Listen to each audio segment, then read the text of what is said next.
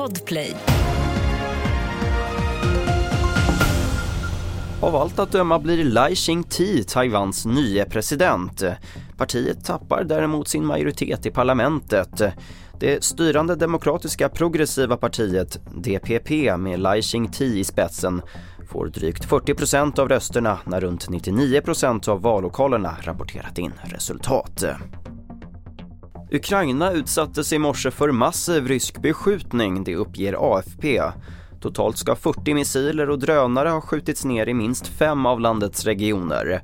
Det ryska försvarsdepartementet säger i ett uttalande idag att man har slagit ut flera ukrainska anläggningar som uppges tillverka ammunition och drönare.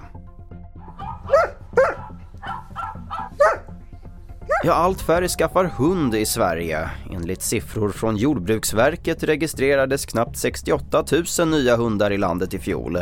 Det är en minskning med drygt 3 000 jämfört med året före. Labrador retriever är mest populär och vanligaste namnet är Luna.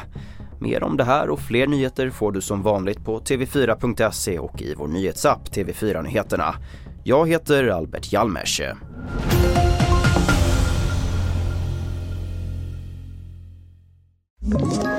Ett poddtips från Podplay.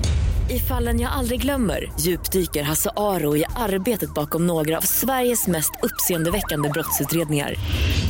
Går vi in med hemlig telefonavlyssning och, och då upplever vi att vi får en total förändring av hans beteende. Vad är det som händer nu? Vem är det som läcker? Och så säger han att jag är kriminell, jag har varit kriminell i hela mitt liv men att mörda ett barn, där går min gräns. Nya säsongen av Fallen jag aldrig glömmer på Podplay.